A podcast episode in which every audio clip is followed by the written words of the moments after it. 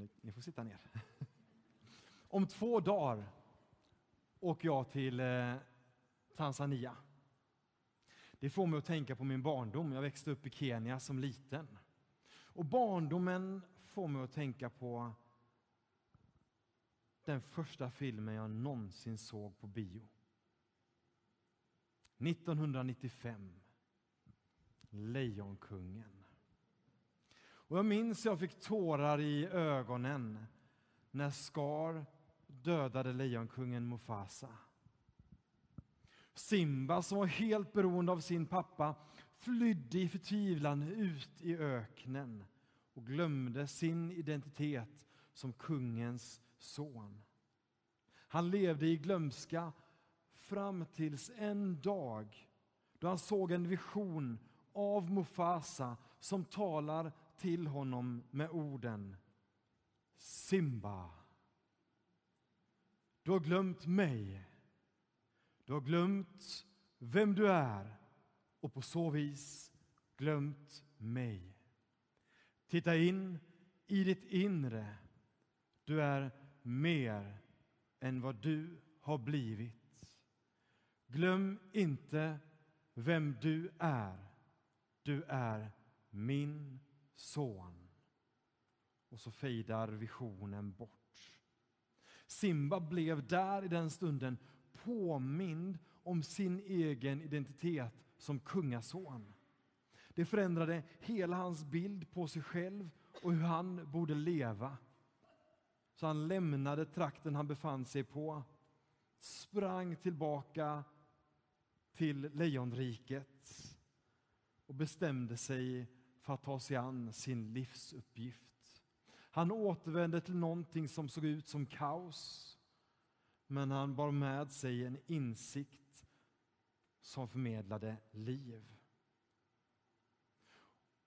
Och när jag läser dagens text från Kolosserbrevet så påminns jag om den här filmscenen och tänker att Paulus på ett liknande sätt verkar vilja att församlingen, det vill säga du och jag, ska påminnas om vår identitet som Guds barn. Och att vi under den här vismässan, dansbandsmässan, skulle kunna påminna oss själva om att jag är Guds barn.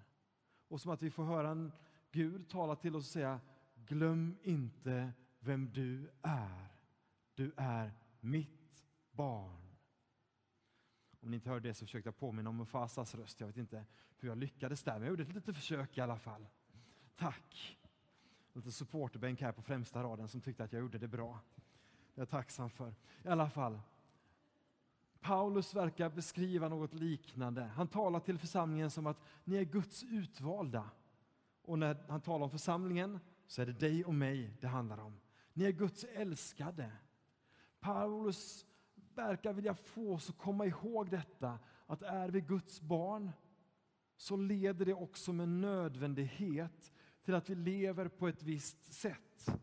På samma sätt som Simba påmindes om sin identitet.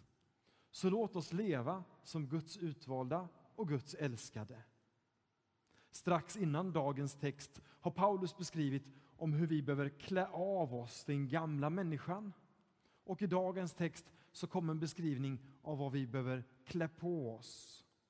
Paulus beskriver hur vi ska klä på oss mildhet, vänlighet, godhet, ödmjukhet, tålamod. Och alla de här egenskaperna är egenskaper som också Jesus hade. Det verkar alltså som att Paulus beskriver att du och jag ska leva på ett liknande sätt. Vi ska leva som att vi är en avbild av Gud själv. Vi ska leva så att vi blir en bild av vår skapare. Och jag tror att vår värld behöver det. Planeten som vi ser här hängande från taket behöver att du och jag lever på det sättet. Paulus uppmuntrar oss att leva på ett sätt där vi förlåter varandra, där vi lägger gränser och barriärer åt sidan och där Guds frid ska vara det som leder oss i de besluten vi fattar i vardagen. Dagens textavsnitt gör det tydligt att Gud ska inte bara tillbes med läpparna.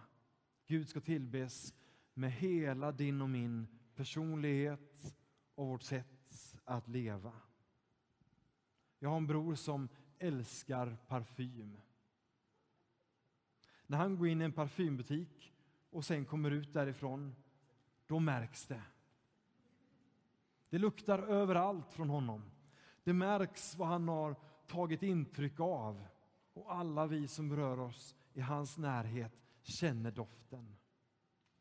I dagens text verkar Paulus önska något liknande för dig och mig som församling. Att du och jag så intimt får umgås med Guds kärlek att när vi möter andra människor så går det inte, oj, så går det inte att undvika att märka vem du och jag tagit intryck av. Så låt oss göra som Simba. Låt oss påminnas om vår identitet som Guds barn och så springa rakt in på den plats som kanske just nu verkar öde och lite risigt till och förmedla det liv som den här världen behöver. Vår planet behöver att du och jag lever i förundran och förändring. Att vi präglas av Guds kärlek och ger den vidare.